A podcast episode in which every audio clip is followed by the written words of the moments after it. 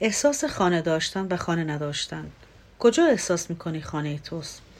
احساس خانه داشتن یعنی چی؟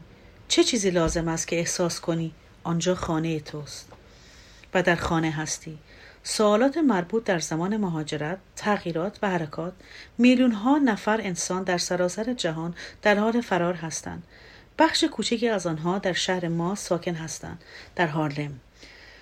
اینجا ما با هم زندگی می کنیم.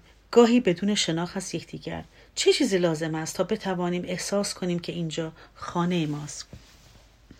در جای احساس خانه کردن به طور طبیعی خود به خود نمی آید.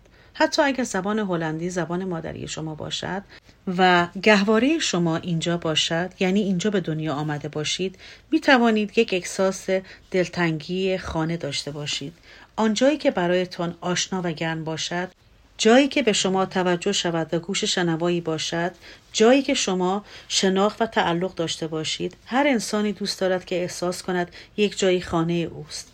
این یک نیاز جهانی است.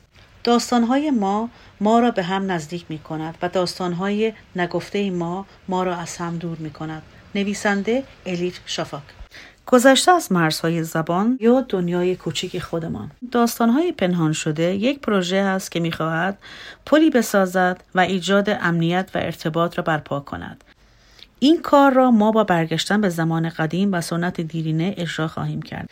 و آن این است که فراتر از مرزهای زبان مکانهای ملاقاتی ایجاد کنیم که مردم را دور هم جمع کنیم که یکدیگر را ببینند و داستانهای شخصی زندگی خود را به اشتراک بگذارند.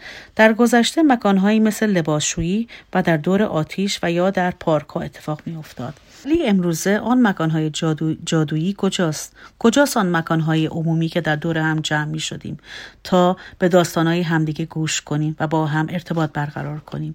داستانهای پنهان شده کارگاه کارگاه های آموزشی برگزار می کنند. در آنجا زنانی از حالم و حتی زنانی از سراسر کشور که تازه وارد شهر ما شدهاند در آن شرکت می کنند. زیر نظر ما به کمک ما تکالیف نوشتاری کوچیک را با هم انجام می دهیم. با نوشتن و قسمت کردن ارتباط گرمی ایجاد می شود. شناخت و رسمیت شناختن بازگشت و تجربه در مورد نوشتن و صحبت کردن مثل شفا میماند نه فقط برای آنانی که می نویسن حتی برای آنانی که گوش می کنن. ما با هم کامل می شویم. گاهی اوقات بخشای از یک داستان نگفته و پنهان مانده است متاسفانه هیچ توجهی به آنها نشده است به این فکر کن که اگر آن داستانها را بگویی یا تعریف کنی چه خواهد شد؟ یا اگر وقتی دیده شوی یا اینکه وقتی به شما گوش داده شود حتی اگر در زبان و کشور و فرهنگ دیگری بزرگ شده باشید. داستانها اساس تماس و ایجاد تماس های جدید هستند. در داستانهای پنهان شده ما به زبان دل صحبت می کنیم و در یک محیط امر به شما کمک می کنیم تا شما داستانهای خود را بنویسید. چه مکانهایی برای این کار مناسب تر است کتابخانه است. هنوز مطمئن نیستم که آیا این مربوط به داستانهای ماست و یا ارتباطی که ما با همدیگر از شنیدن آنها برایمان حاصل می شود. ملاقات های واقعی در این نمایشنامه با مجموعی از داستانهای بعضی بعضی آشنا شدیم. میترا، ساسکیا، ماخلای، تقرید، دولت و میرنا.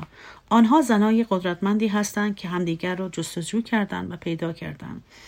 این داستان ها نشان دهنده بخشی از وجود آنان هست که گاهی پنهان مانده است و گم شده است و خاموش شدند تمام شرکت کنندگان درهای قلب خودشان را به روی یکدیگر باز کردند و با هم به همدیگر گوش دادن و داستانهای خود را در اشتراک گذاشتند.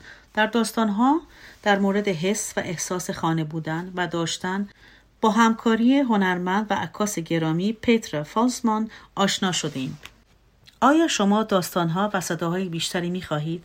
لطفا به بردکاست فوقالعاده داستانهای پنهان شده گوش دهید و با افراد زیر آشنا شوید.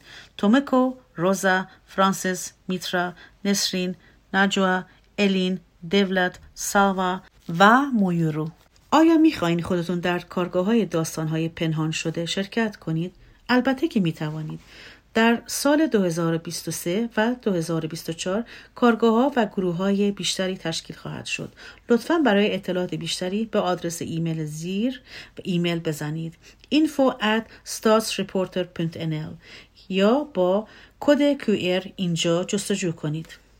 داستانهای پنهان شده ابتکار عمل از میرنا لایت خبرنگار شهر با همکاری سوزانا خیشبرس معلم و نویسنده زندگی نامه و دولت درباش زبان عرب شناس پترا فالسمن هنرمند و عکاس و کتابخانه گرملاند جنوبی با تشکر از شهرداری هارلم و اقدام امدادات و مشترکای فرهنگی هارلم فراتر از آیندهای خوب یا بد سرزمینی وجود دارد که من تو را آنجا ملاقات خواهم کرد جمال الدین رومی این متنها و داستانها به زبان عربی، ژاپنی، فرانسوی، فارسی نیز موجود می باشد.